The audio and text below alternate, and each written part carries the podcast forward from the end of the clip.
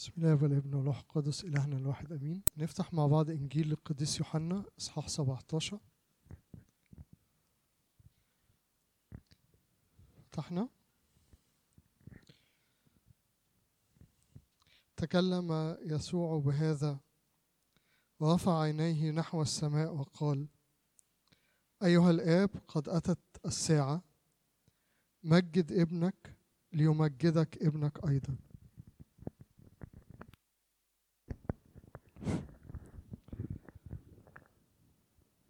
إذ أعطيته سلطانا على كل جسد ليعطي حياة أبدية لكل من أعطيته.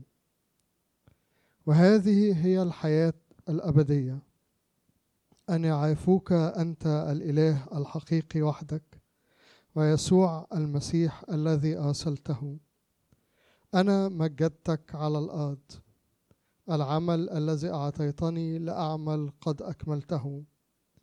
والآن مجدني أنت أيها الآب عند ذاتك بالمجد الذي كان لي عندك قبل كون العالم. أنا أظهرت اسمك للناس الذين أعطيتني من العالم. كانوا لك وأعطيتهم لي وقد حفظوا كلامك. والآن علموا أن كل ما أعطيتني هو من عندك. لأن الكلام الذي أعطيتني قد أعطيتهم. وهم قبلوا وعلموا يقينا إني خرجت من عندك. وآمنوا أنك أنت أرسلتني من أجلهم أنا أسأل. لست أسأل من أجل العالم بل من أجل الذين أعطيتني لأنهم لك. كل ما هو لي فهو لك وكل ما هو لك فهو لي وأنا ممجد فيهم. لست أنا بعد في العالم أما هؤلاء فهم في العالم. وأنا آتي إليك. أيها الآب القدوس احفظهم في اسمك الذين أعطيتني ليكونوا واحدا كما نحن. حين كنت معهم في العالم كنت أحفظهم في اسمك الذين أعطيتني حفظتهم ولم يهلك منهم أحد إلا ابن الهلاك ليتم الكتاب. وأما الآن فإني آتي إليك. أتكلم بهذا في العالم لكي ليكون لهم فاحي كاملا فيهم. أنا قد أعطيتهم كلامك والعالم أبغضهم لأنهم ليسوا من العالم. كما أني أنا لست من العالم. لست أسأل أن تأخذهم من العالم بل أن تحفظهم من الشهي ليسوا من العالم كما أني لست من العالم. قدسهم في حقك. كلامك هو حق. كما أرسلتني إلى العالم أرسلتهم أنا إلى العالم. ولأجلهم أقدس أنا ذاتي ليكونوا هم أيضا مقدسين في الحق. ولست أسأل من أجل هؤلاء فقط بل أيضا من أجل الذين يؤمنون بي بكلامهم. ليكون الجميع الجميع واحدا كما أنك أنت أيها الآب في وأنا فيك. ليكونوا هم أيضا واحدا فينا. ليؤمن العالم أنك أرسلتني وأنا قد أعطيتهم المجد الذي أعطيتني ليكونوا واحدا كما أننا نحن واحد. أنا فيهم وأنت في ليكونوا مكملين إلى واحد. وليعلم العالم أنك أرسلتني وأحببتهم كما أحببتني. أيها الآب أريد أن هؤلاء الذين أعطيتني يكونون معي حيث أكون أنا. لينظروا مجدي الذي أعطيتني لأنك أحببتني قبل إنشاء العالم. أيها الآب البار إن العالم لم يعرفك أما أنا فعرفتك. وهؤلاء عرفوا أنك أنت أرسلتني وعرفتهم اسمك وسأعرفهم.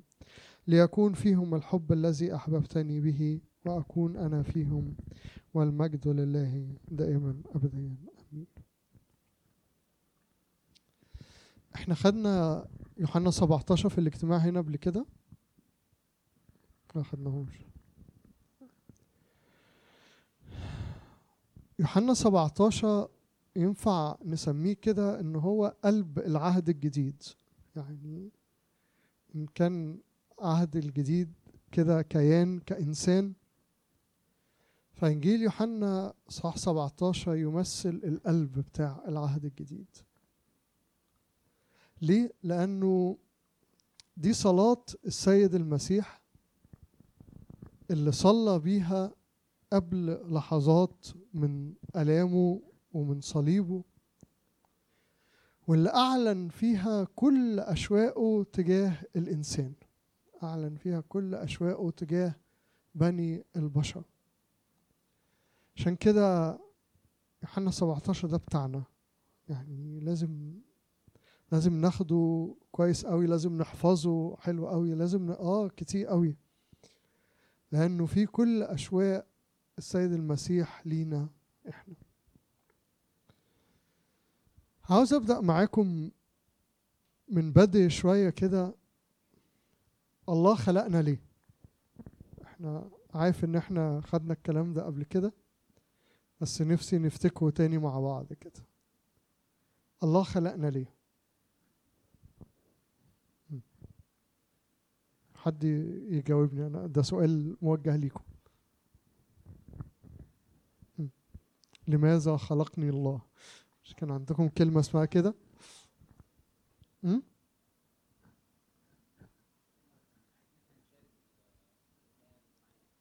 حبنا وكان عايز إن إحنا نشارك الحياة معاه.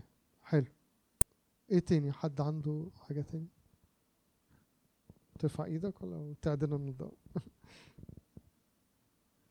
ها. إيه تاني؟ طب مين موافق معاه؟ مين معترض عليه؟ مين محايد؟ عاوزين نرجع خطوة قبل كده بشوية يعني. الله كان عامل إزاي قبل ما يخلقنا؟ حد فكر في كده؟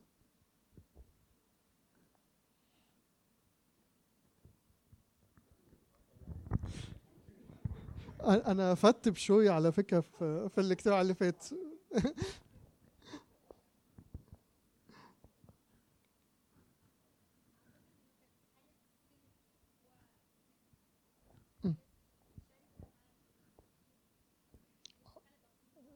حالة شركة بين الثلاث أقانيم وحالة حب بين الثلاث أقانيم مع بعض. هل الحب ده ما كانش كافي لقلب الله؟ كان كافي. طب ليه خلقني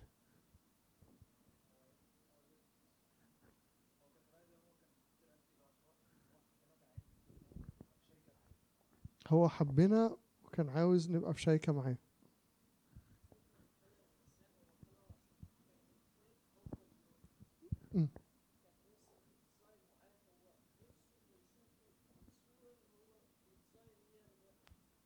حلو قوي حلو قوي. هو بيقول إنه إنه كان نفسه إنه إنه يحب الإنسان إنه إنه يحقق صورة معينة كانت في ذهن الله لأجل إنسان يدخل في الشركة معاه. عاوز أفكر معاكم شوية في طبيعة الحب. طبيعة الحب آه والحب هو طبيعة الله. يعني الله لما اتوصف بكلمة واحدة في الكتاب المقدس في رسالة القديس يوحنا الأولى قال إنه الله محبة الله محبة. فالحب هو طبيعة الله إنه إنه الكون كله مبني على الحب. الحب هو طبيعة الله. والله خلق الإنسان على صوته وعلى مثاله. في شوية حاجات في الإنسان لما نبص عليها ونتأمل فيها بعمق شوية نقدر نرجع نعيد الصورة لأصلها فالله فنفهم أمور عن طبيعة الله. أم أنطونيوس قال كده من يعرف نفسه يعرف الله. مين متجوز هنا؟ الحضور يعني لأ مش الخدام الحضور. طيب نشكر ربنا. أنتوا عايشين حياتكم ومبسوطين سنجلز كده بعمل اللي أنا عاوزه وقت ما أحب آكل اللي أكله أشرب اللي أشربه أرمي هدومي في أي حتة أخرج وقت ما أحب أروح وقت ما أحب كل حاجة جميلة. وبعدين فجأة بتهفق قصدي بفوق لنفسي. وبعدين بحس إن أنا إيه أنا عاوز حد يشاركني حياتي. عاوز حد يشاركني حياتي. رغم إنه إنه الشركة دي مليانة قيود. رغم إنه الشركة دي هتاخد مني حريتي هتاخد مني جزء من اقتصادياتي من فلوسي هتروح آه، جزء من متعتي هيروح حاجات كتير أنا بعملها وبتمتع بيها مش هعرف أعملها.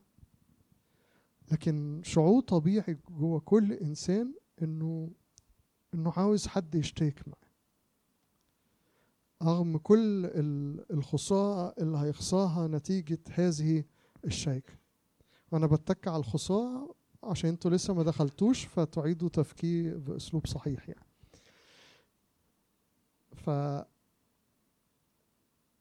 ده جوايا إنه إنه أنا عاوز حد يشترك معايا وهتحمل النفقة بتاعة الشركة حلو لحد هنا اتجوزنا. هنعيش بقى هانيمون طويل إلى آخر العمر 30 40 سنة في هانيمون لا اول ما نتجوز نبدأ نفكر نجيب حد إيه؟ يشترك معانا كمان. ده بقى ال- السوبر بقى. ده اللي هياخد كل حياتنا هياخد كل صحتنا هياخد كل وقتنا هياخد كل فلوسنا هياخد كل حاجة. ويا ريته مضمون. لا ده ممكن لما يكبر يضربني ممكن لما يكبر يشتمني. في أحسن الأحوال لما يكبر هيسيبني. أحسن الأحوال لما يكبر هيسيبني. لكن أنا ببقى عاوز أجيبه. أنا ببقى عاوز أجيبه. وبعد ما بجيبه بيبقى نفسي يكون معايا. أحلى يوم بيبقى عند الأب والأم كده آه، اللي ولادهم كبروا لما الولاد يتجمعوا في البيت مع بعض تاني. فالحب نلاقيه بيجمع صفتين. صفتين مهمين جدا في الحب. الحب دايما يحب يمتد للخارج يحب يمتد لآخر يحب يزيد يفضل يزيد. أنا كنت لوحدي بقيت زوج وزوجة بقيت زوج وزوجة وأولاد. بعد كده يبقى أمنيتي إن ولادي يجيبوا أحفاد وأشوف أحفاد. الحب دايما يمتد لزيادة. والحب كمان يبقى عاوز إن كل هذه الزيادة تجتمع معا تبقى واحد. وكأنه في فعلين بيبدو إن هم مضادين كده حب يخرج يمتد وفي نفس الوقت يلم ويجمع. فدي طبيعة حب الله. العلاقة بين الآب والابن والروح القدس علاقة كاملة لا لا تحتاج لأي إضافة. لكن بطبيعة الحب إنه إنه عاوز يزود. عاوز ناس تانية تشترك في هذا الحب. عاوز ناس تانية تشترك معاه في الميراث وفي المجد. إن كنا أبناء فنحن ورثة ورثة الله وارثون مع المسيح. لاقى بذاك وهو آت بأبناء كثيرين إلى المجد أن يكمل رئيس خلاصهم بالآلام. ليكون هو بكا بين إخوة كثيرين فدايما فكر الله هو التبني. ان إحنا ان إحنا نكون مع بعض ان إحنا نكون متمتعين بهذا الحب الشديد جدا اللي كان للابن عند الآب من قبل تأسيس العالم. فده ال- الأصل في الخلقة. الأصل في الخلقة إن إحنا نكون واحد إنه مع الابن عشان نتمتع بحب الآب. إحنا كتير مش مش بندرك ده مع الوقت. وبتتحول علاقتنا بالله لعلاقة يعني كأنه كأنه الله أحد الاوبشنز المتاحة لينا في الحياة. يعني إحنا عندنا حياة جسدية عندنا حياة في الأسرية وعندنا آه، حياة علمية وثقافية وحياة عملية وحياة روحية. وكأنه الله كده أحد مكونات الحياة اللي دخلت في الحياة. ويبقى ليا قصد وغاية من حياتي. والغاية دي ممكن تكون بتتغير بحسب الوقت. أنا عاوز أخلص KG 1 أنا عاوز أنجح في KG 2 أنا عاوز أخلص ابتدائي أنا عاوز أخلص ثانوية عامة أنا عاوز أدخل كلية معينة أنا عاوز أشتغل أنا عاوز أتجوز أنا عاوز أخلف أنا عاوز أموت.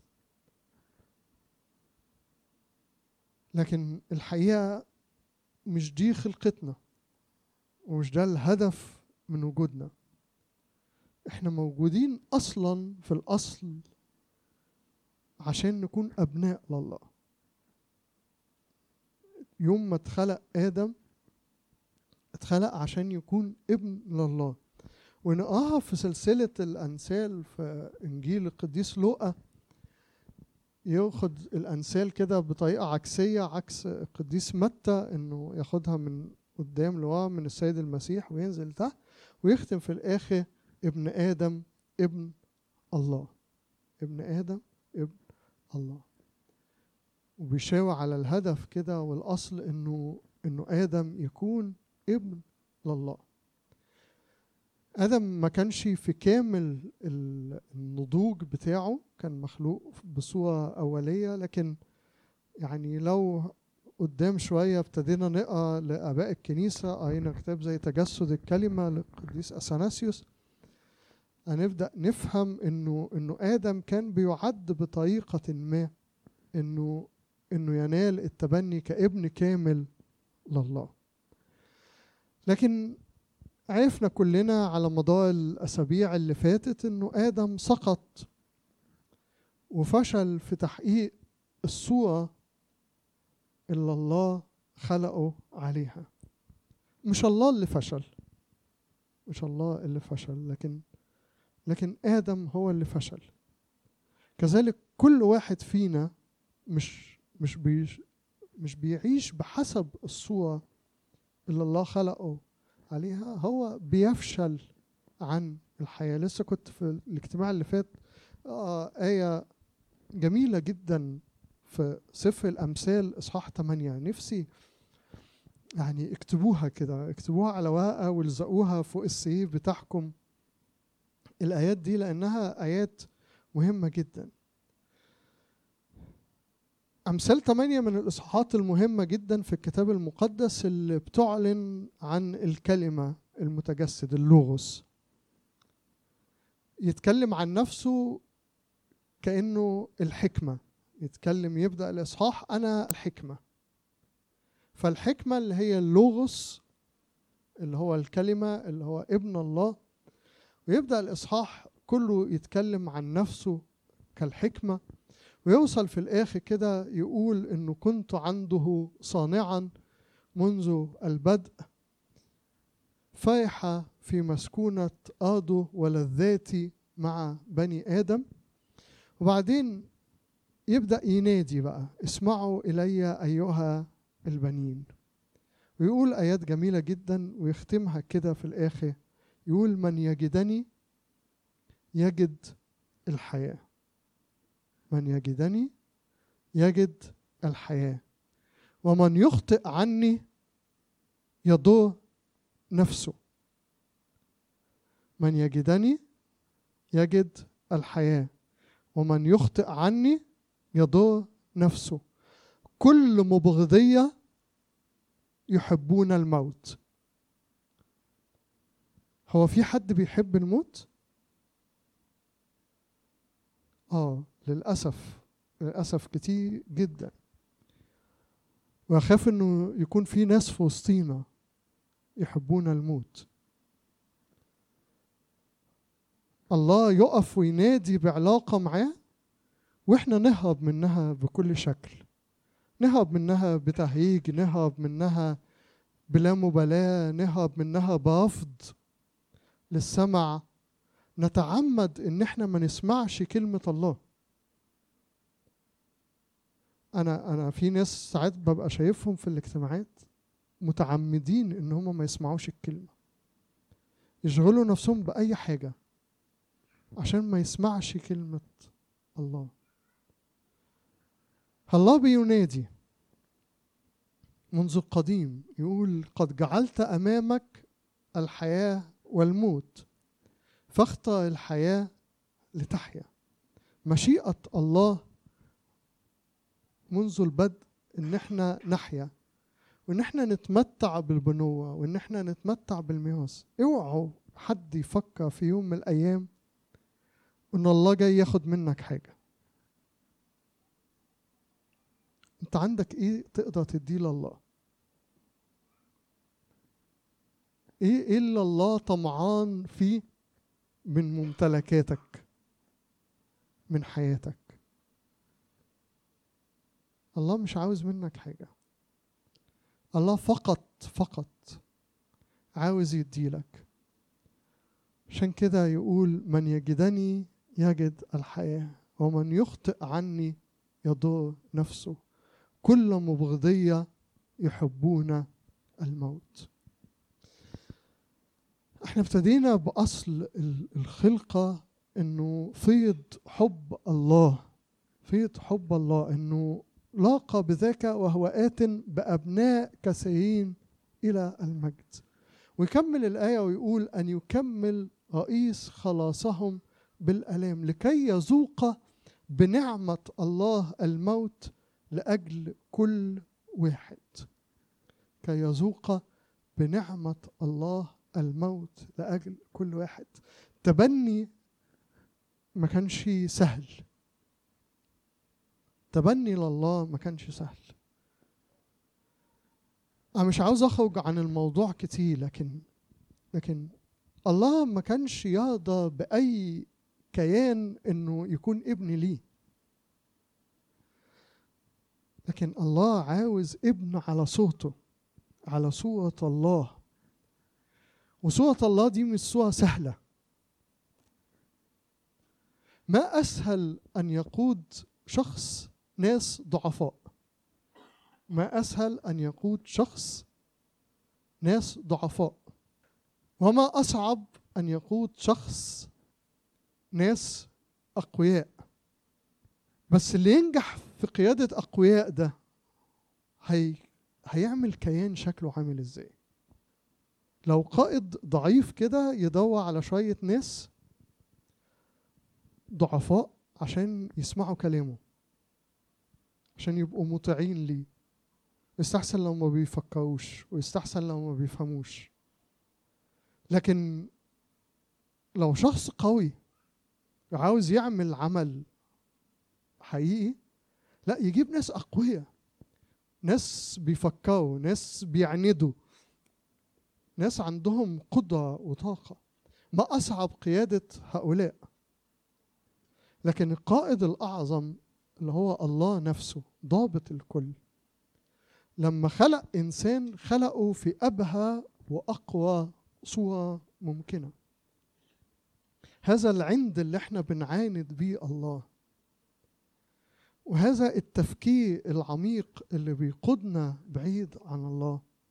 الله ما كانش يجهله بل بالعكس الله كان يريده. كان عاوز إنسان حر قوي. عشان لما نتبعه نبقى فعلا أولاد الله بالحقيقة.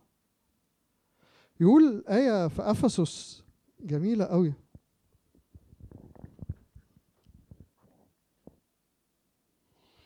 أفسس ثلاثة عشرة هقرا لكم تسعة كده كمان عشان بيقول كده وأني الجميع فتحته أنتوا بتفتحوا على الشاشة ولا بتفتحوا في موبايلات؟ عاوزكم باصين في حاجة يعني لما أقول آية نحاول نبص نشوفها بعينينا. مهم قوي الفيجوال ده إن إحنا يعني نجمع السمع والرؤية بيثبتوا الحق فينا. وأني الجميع فيما هو شيكة السر المكتوم منذ الدهور فالله خالق الجميع بولس بيقول كده انه إنه أعطي النعمة عشان ينهي الجميع في شركة السر المكتوم عند الله خالق الدهور. إيه هو السر المكتوم ده؟ قعد يشرحه في الثلاث اصحاحات الاولانيين ان إحنا في المسيح. ان إحنا في المسيح. وبعدين يقول كده لكي يعرف الآن عند الرؤساء والسلاطين في السماويات. مين الرؤساء والسلاطين؟ مين الرؤساء والسلاطين؟ الملائكة. الملائكة لكي يعاف عند الرؤساء والسلاطين في السماويات. بواسطة الكنيسة. مين اللي هيعاف الرؤساء والسلاطين؟ مركزين معايا. مين اللي هيعاف الرؤساء والسلاطين؟ الكنيسة اللي هي مين؟ إحنا. إحنا دلوقتي بنعلم الملائكة. ما تتخضوش من كلامي ده إحنا موجودين عشان نعلم الملائكة نعرف الرؤساء الرؤساء والسلاطين بحكمة الله المتنوعة. حسب قصد الدهور الذي صنعه في المسيح يسوع ربنا. إحنا يوم ما نيجي في المجد يوم ما نبقى أولاد الله بالحقيقة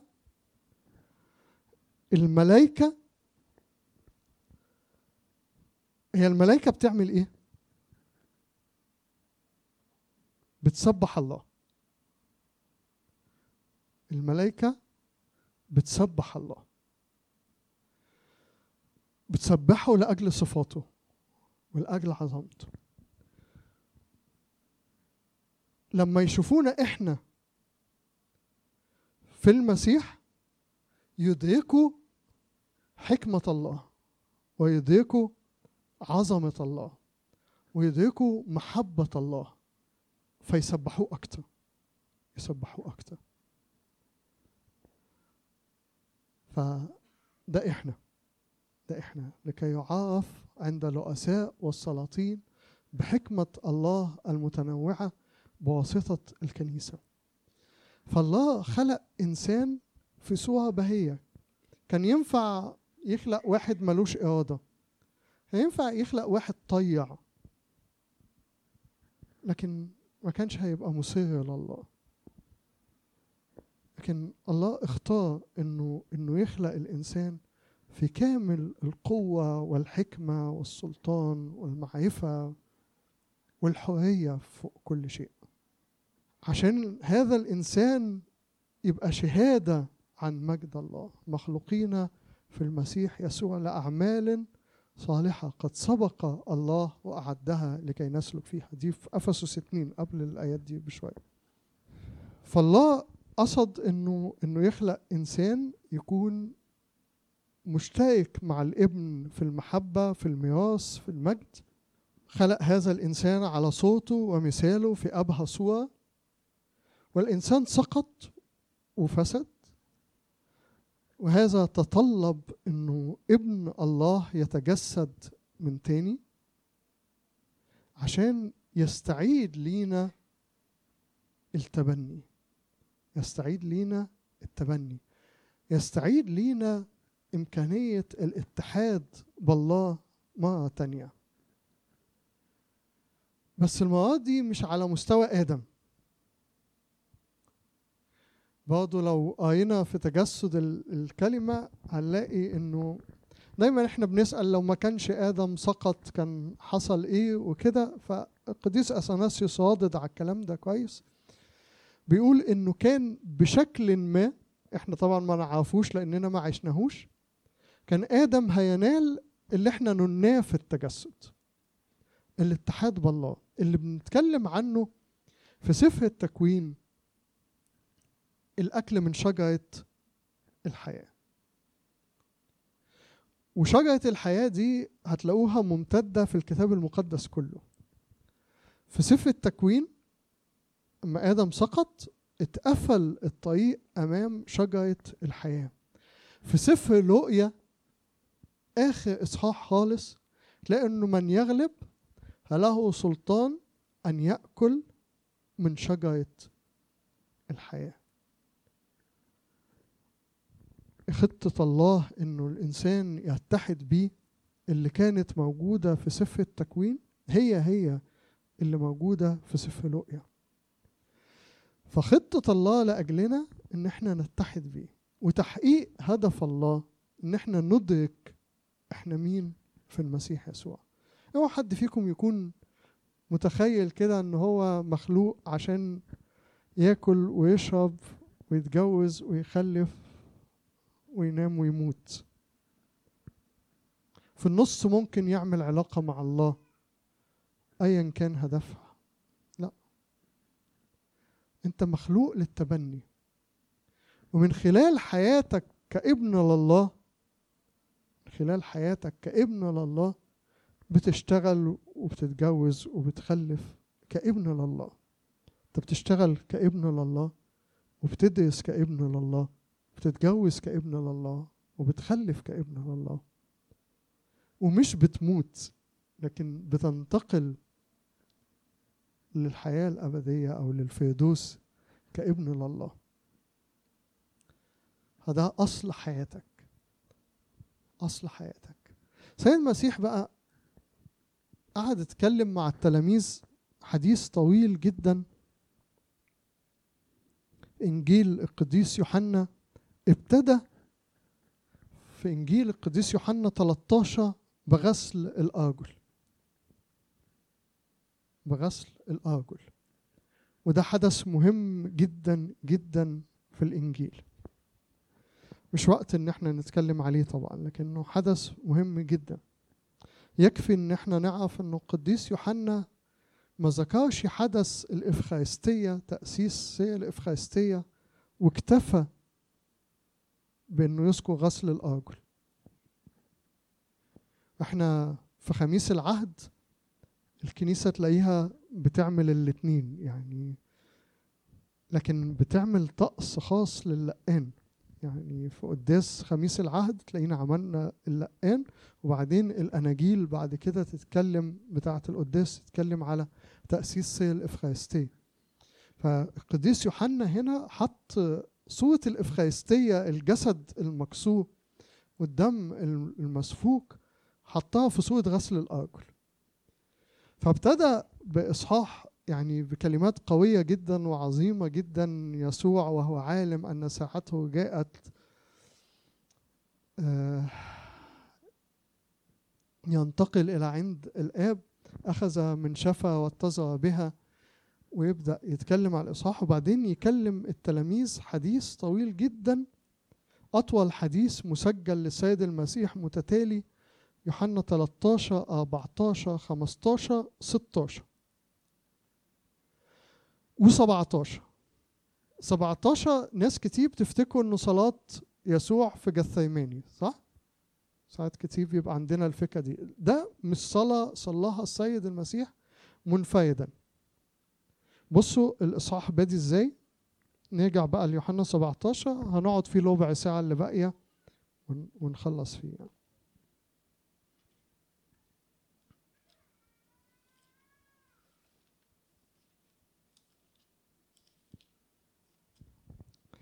طبعا يعني يعوزني الوقت إني نشرح الإصحاح لأنه إصحاح عظيم جدا وعلاقته باللي قبله يعني مليان آثار. الجزء ده في الكتاب مليان آثار.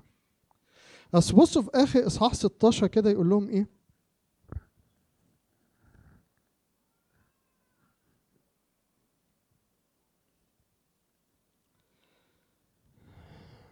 آه، من عدد 29 16 29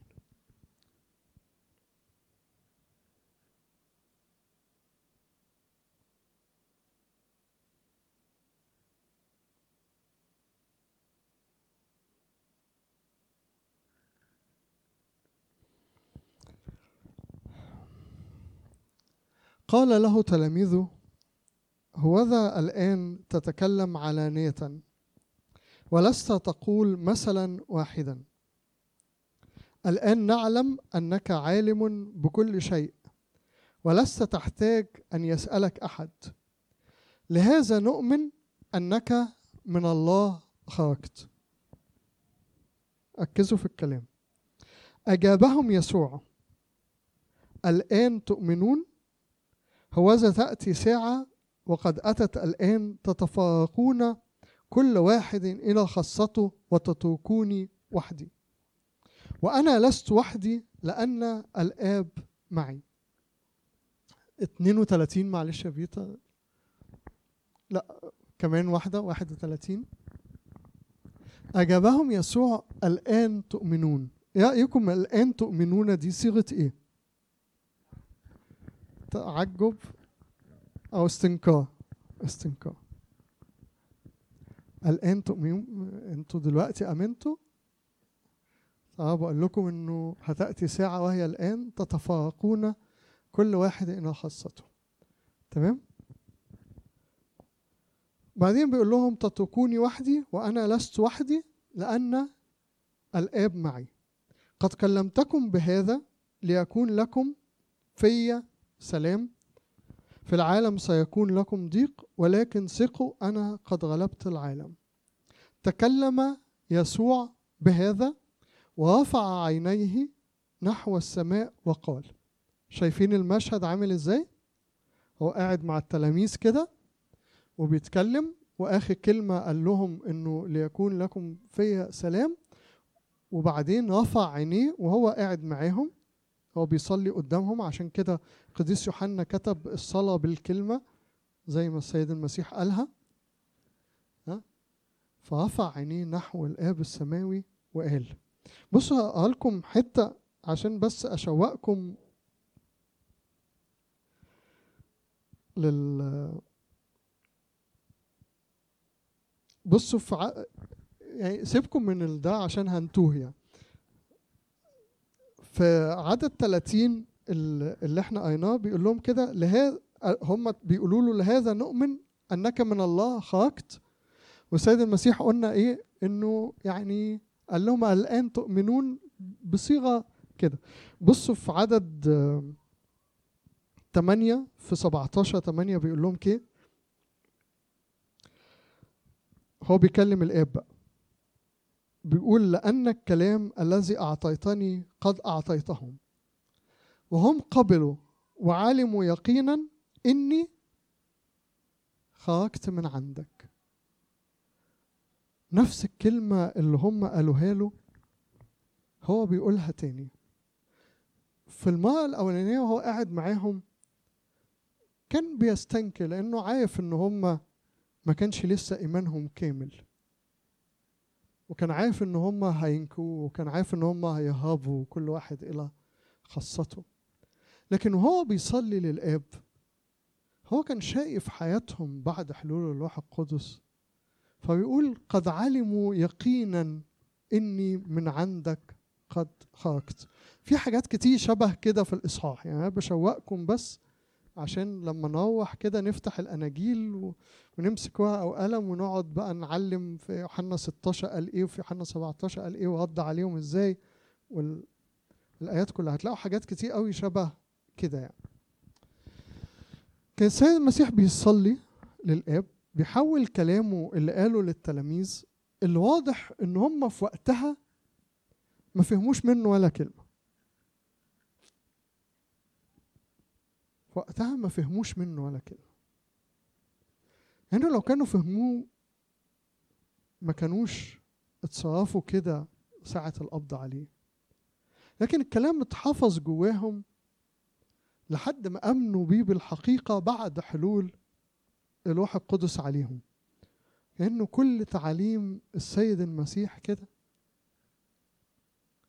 اتحفظت جواهم بالروح القدس. وكل اللي كانوا سامعينه ومش فاهمينه نالوه بحلول الروح القدس عليهم في يوم الخمسين وابتدوا هم بقى يعلموا بيه ويكتبوه في الأناجيل ويكتبوه في الرسائل وكده لكن السيد المسيح هنا في الصلاة دي بيصلي بالعمل اللي أتمه بعد حلول الروح القدس نعرف إنه إنه العمل الخلاص اللي إحنا نناه يبدأ منين؟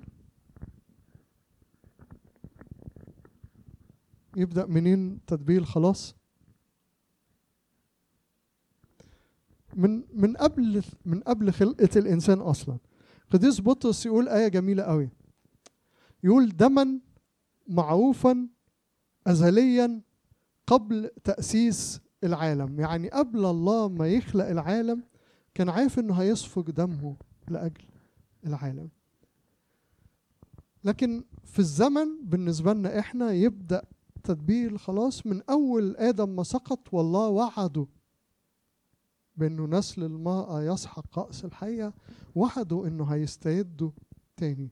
وبعدين ابتدينا يحلة الخلاص اللي أنتوا سمعتوا عنها الناموس والأنبياء وال... ويحلة التدبير دي. ولكن لما جاء ملء الزمان كأنه بقى إيه كل أحداث الخلاص هتتكثف مع بعض.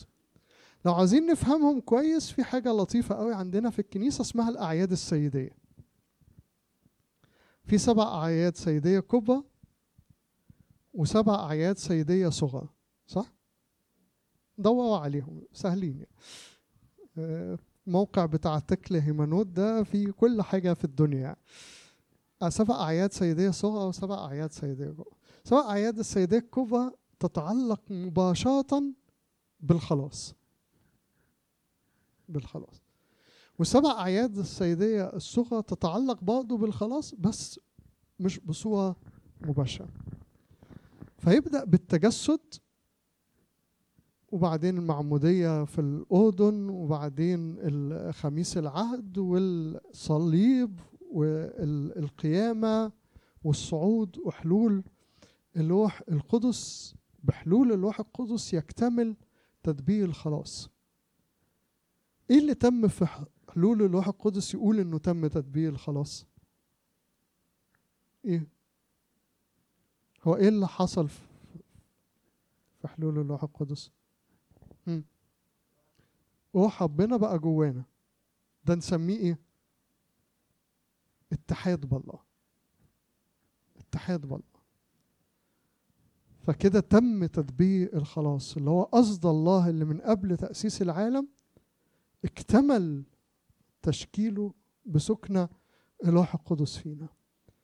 لكن التجسد كان من المراحل المهمة جدا. عشان كده التجسد في كنيستنا بالذات في كنيستنا الأرثوذكسية يعني والكنيسة القبطية الأرثوذكسية متميزة جدا في ده إن إحنا بنمجد سيد التجسد بشكل كبير جدا. تعرفوا السيوتوكيات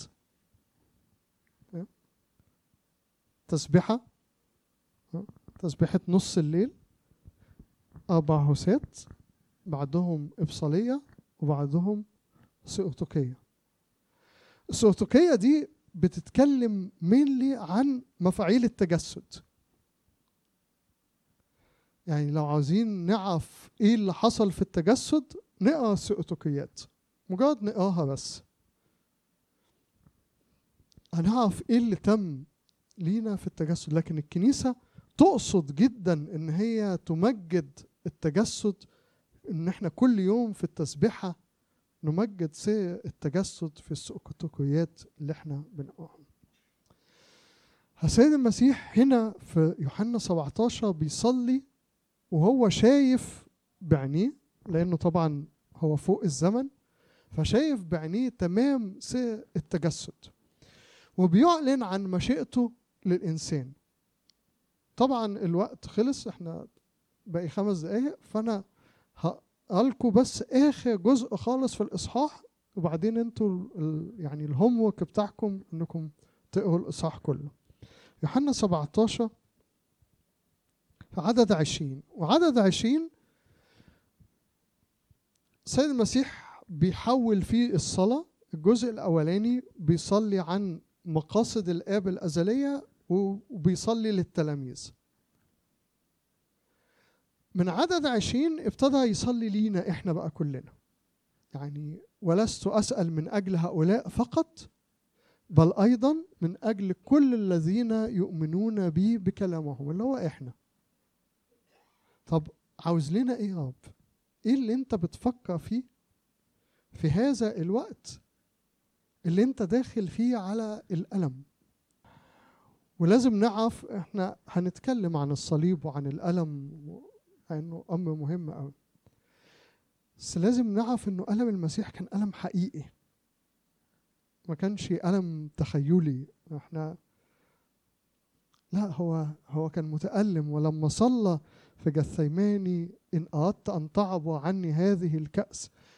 لكن لتكن لا إرادتي بل إرادتك كان بيصلي بجد. والحمل كان تقيل عليه جدا جدا. مش بس المنظور لينا مش بس المنظور لينا. يعني دايما بقول لو إحنا مثلا عندنا سكيل كده ألم السيد المسيح. ففي من فوق لحد هنا كده اسمه الإخلاء. وهنا بقى كل اللي إحنا بنصلي بيه في يوم الجمعة العظيمة والأيقونات والجلدات والحابة والبصاق واللطم. لكن في جزء كبير جدا جدا. ألم جوه السيد المسيح لأجل أنه خالق الكل يبقى في صورة العبد المهان ودي الأنشودة اللي القديس بولس بيصلي بيها في فليب اتنين إنه إذ كان في صورة الله لم يحسب خلسة أن تكون معادلا أن يكون معادلا لله لكن وضع نفسه آخذا صورة عبد صائرا في الهيئة كإنسان. إذ وجد في الهيئة كإنسان وضع نفسه وأطاع حتى الموت موت الصليب. اللي إحنا بنصليها في القداس يقول لم تضم اختطافا لم تضم اختطافا دي اللي هي لم يحسب خلسة يعني لم تضم اختطافا أن تكون معادلا لله لكن وضعت نفسك آخذا صورة عبد. ففي هذه اللحظات اللي السيد المسيح كان فيها متألم جدا وشايف اللي هو داخل عليه كان إيه اللي على قلبه بيصلي له؟ كان إيه اللي على قلبه بيصلي له؟ عشان كده بقول لكم ده قلب الكتاب المقدس. يعني الآيات دي لازم تبقى مقدسة جدا في أعيننا وفي أذهاننا وفي فكرنا كل حاجة لأنه ده ده صلاة السيد المسيح وهو داخل على الألم. أهم ما كان يشغل باله في هذا الوقت. عشان كده الكلام ده لازم يبقى مقام جدا جدا عندنا. هيقول كده لست أسأل من أجل هؤلاء فقط. بل من أجل الذين يؤمنون بي بكلامهم ليكون الجميع واحد. كما أنك أنت أيها الآب في وأنا فيك ليكونوا هم أيضا واحد فينا. بنصدق الكلام ده ولا؟ ولا ده كلام يعني هل بنبص له آه، ككلام فلسفي عالي ككلام اجتماعي كأننا بنقرأ رواية رومانسية حلوة وبنعيط قدامها؟ ولا إحنا بنصدق فعلا إن إحنا في المسيح؟ إنه إنه إحنا اتقطعنا من شجرة آدم من شجرة السقوط من شجرة الموت واتطعمنا في شجرة الحياة اللي هو المسيح. كونسوس الأولى 15 البولس اللي إحنا بنقراه في, عيد القيامة بنقراه كله على ثلاث أجزاء في عشية وباكر وقداس عيد القيامة. يشرح الكلام ده حلو قوي. يقول إنه إنه في آدم يموت الجميع وفي المسيح يحيا الجميع. كما هو الترابي هكذا الترابيون أيضا. وكما هو السماوي هكذا السماويون أيضا. فإحنا بالتجسد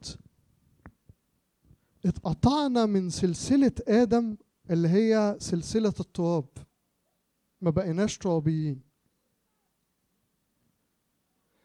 واتطعمنا في سلسلة المسيح. وأصبحنا سماويين. فمحدش في اللي قاعدين قدامي بني آدم. إحنا مش بني آدم. لو حد قال لك أنت بني آدم قول له أنا مش بني آدم. ليه؟ لأنه في آدم يموت الجميع. لكن أنا ابن الله. أنا ابن الله. أنا أنا كل يوم عدة مرات بكلم الله الآب وأقول له يا أبانا الذي في السماوات. ده مش مش كلام مش ترديد بغبغانات. لكن الله أبونا فعلا. ليه؟ لأنه المسيح اتحد بينا. إن إحنا أصبحنا في المسيح. هيقول كده أريد أن يكون الجميع واحدا فينا كما أني أنا وأنت أيها الآب واحد. يكون هم أيضا واحد فينا. ليؤمن العالم أنك أرسلتني. ليؤمن العالم أنك أرسلتني. أين؟ في أفسس يعرف عند الرؤساء والسلاطين بنعمة الله المت... بحكمة الله المتنوعة بواسطة الكنيسة. هنا كمان مش بس قدام الملائكة والرئاسات لكن قدام العالم كله. العالم يشهد لله لما يشوفنا إحنا. كي أعمالكم الصالحة؟ فيمجدوا أباكم الذي في السماوات لأننا نحن رائحة المسيح الزكية. نحن رائحة المسيح الزكية. إحنا حاملين الحضور الإلهي. عارفين خيمة الاجتماع بتاعت العهد القديم؟ خيمة الاجتماع دي كانت إيه؟ تتنصب كده يشيلوها اللويين آه الإصحاح وإزاي بتتلم وإزاي بتطبق ومين بيشيل إيه والناس بتشيل القماش ونيل الخشب وناس بتشيل القواعد وناس بتشيل تابوت العهد ويتشال إزاي وبتاع. يشيلوه معاهم يمشوا يسفوا يقفوا في حتة يبدأوا ينصبوه في وسط الجماعة. كانت الأسباط تتقسم حواليه 12 سبط ثلاثة من كل ناحية من الأربع نواحي وفي النص خيمة الاجتماع. ويحصل إيه في خيمة الاجتماع؟ حضور الله. حضور الله. الله يعلن عن رغبته في السكن في وسط الإنسان منذ القديم. فالخيمة دي نصبها في النص يعلن حضور الله في النص. تخيلوا بقى إن كل واحد فيكم هو هذه الخيمة. أنت تروح الكلية تتنصب مكان لحضور الله في وسط الكلية. أنت قاعد في بيتك تتنصب مكان لحضور الله في وسط البيت. انت ماشي في الشارع تتنصب مكان لحضور الله في الشارع. انت في شغلك تتنصب مكان لحضور الله في الشغل. ألستم تعلمون أنكم هياكل الله؟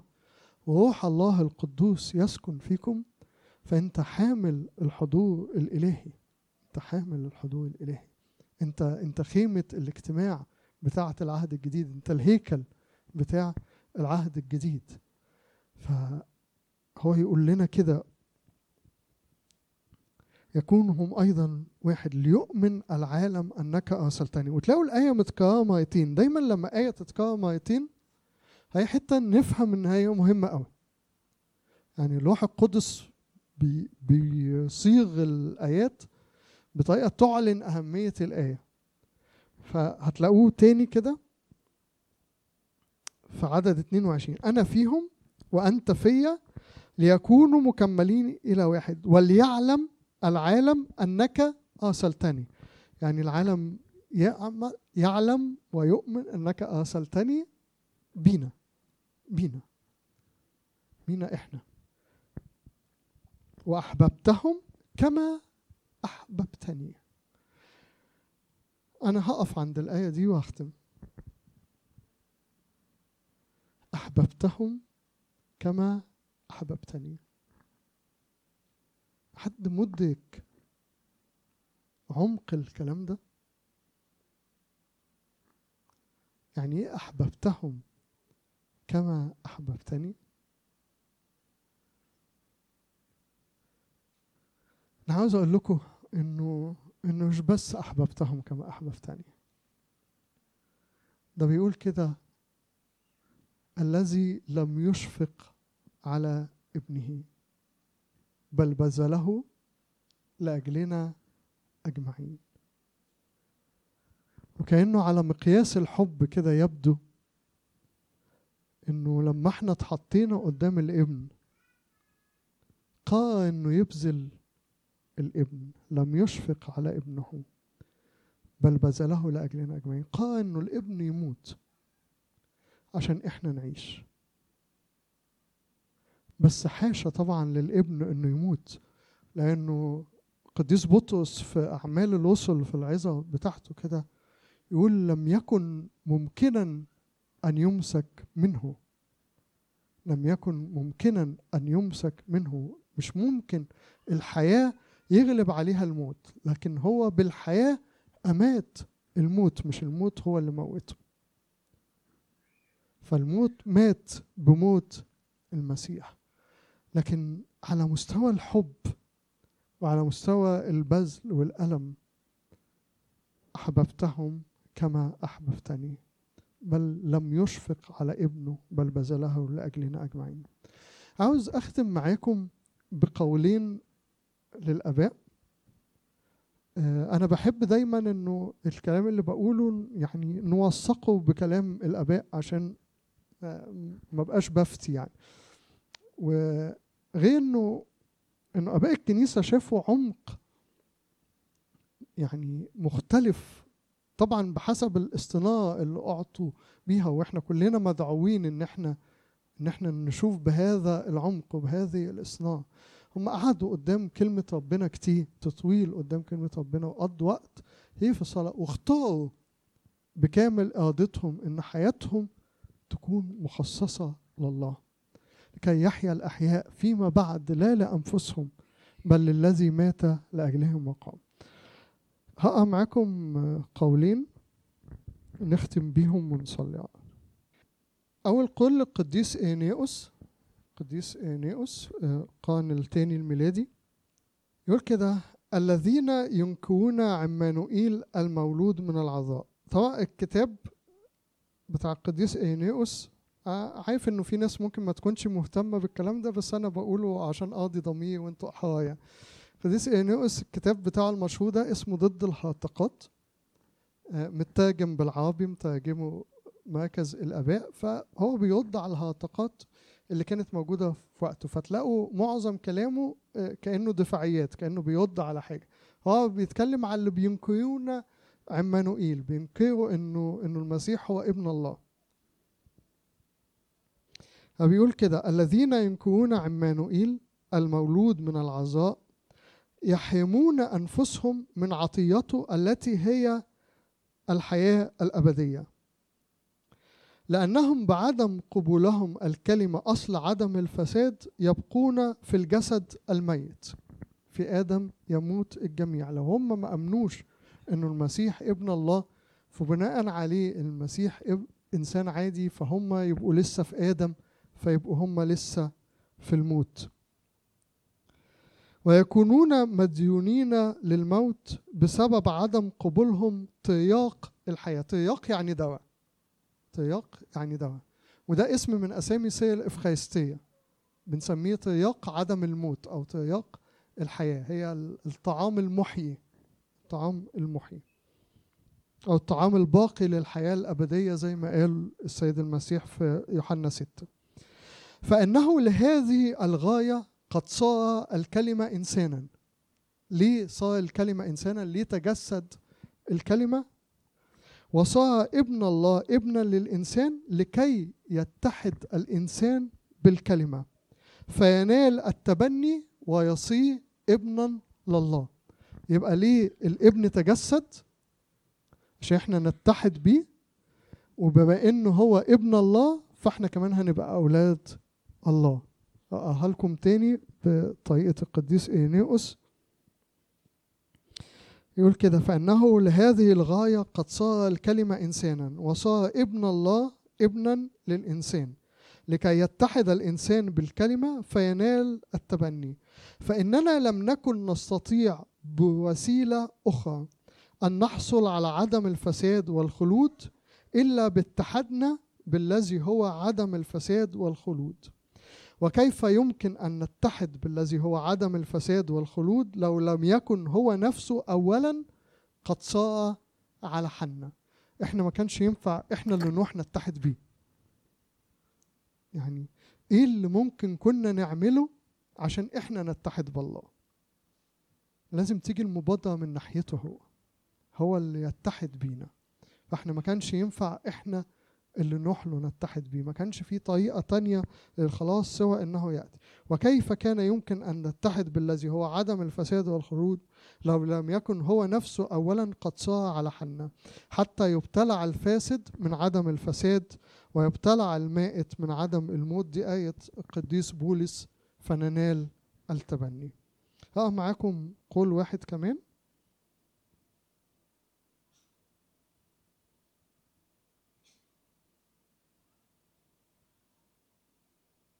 قديس غيغايوس النزيانزي بيقول كده ما هو الشيء الجديد الذي يخصني؟ فاكرين بولس لما قرينا في أفسس أن يعرف بواسطتي السر المكتوم. فإيه هو السر المكتوم ده؟ إني صغير وعظيم. أنا صغير وعظيم في نفس الوقت. حقير وسامي. مائت وغير مائت. آدي وسماوي. الأولى مع العالم السفلي والأخرى مع الله. الأولى مع الجسد والأخرى مع لوح ينبغي أن أدفن مع المسيح وأقوم معه. أن آيس معه وأصير ابنا لله بل وأصير متحدا بالله. هذا هو غاية السر الأعظم من نحونا. بيقول وأنا كده بالجسد شكلي حقير وشكلي ضعيف وشكلي جسد مائت. بل وفي يوم من الأيام هتحط في صندوق وهدخل في أب بس أنا في نفس الوقت أنا عظيم وأنا سامي سامي يعني مرتفع وأنا ابن لله. أنا ابن لله. أنا متحد بالله.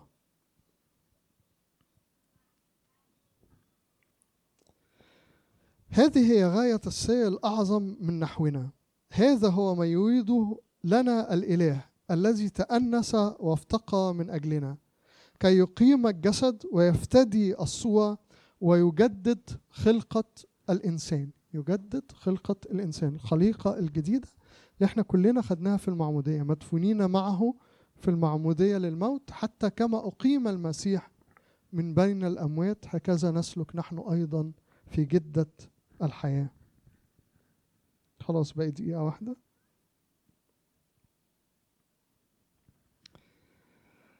كي نصير نحن جميعا واحدا في المسيح الذي صار بالتمام الكل في الكل. دي آية في كلوسي ثلاثة فينا جميعا بكل كيانه حتى لا يكون فيما بعد ذكر ولا أنثى باباي وثكيثي عبد وحور دي برضه بولس في كلوسي ثلاثة التي هي كلها صفات للجسد. بل لا نعود فيما بعد نحمل في ذواتنا إلا الشكل الإلهي. إحنا إحنا حضور الله. إحنا حضور الله. لا نعود نحمل فيما بعد إلا الشكل الإلهي. عشان كده بيقول في المسيح يسوع لا رجل ولا امرأة لا عبد ولا حر ولا لأنه كل دي صفات تخص الجسد تقسيمات تخص الجسد. أبيض وأسود وذكي ومش ذكي ومش عارف غني فقير كل دي صفات تخص الجسد. إحنا مش في الجسد. إحنا مش في الجسد إحنا مش في العالم. ودي برضه آيات هتقروها في يوحنا 17 وبرضه مرتين لأنهم ليسوا من العالم. بل لا نعود فيما بعد نحمل في ذواتنا إلا الشكل الإلهي الذي به وله قد خلقنا. أصل الخلقة إحنا مخلوقين لكده. التجسد والفداء ده مش حاجة جدت في القصة لا ده الأصل. إحنا إحنا أصلا مخلوقين زي ما قلت لكم فكر الله منذ الأزل إنه يخلق الإنسان على صوته ومثاله يخلقه للاتحاد به. الذي به وله قد خلقنا بل وتشكلنا وتطبعنا لدرجة أننا لا نعود فيما بعد نعرف إلا هذا الشكل وحده. بقينا بالكلية كده أبناء الله. إحنا إحنا مش أولاد آدم تاني. إحنا أولاد الله بالكامل لإلهنا كل المجد والكرم الآن وإلى الأبد. آمين.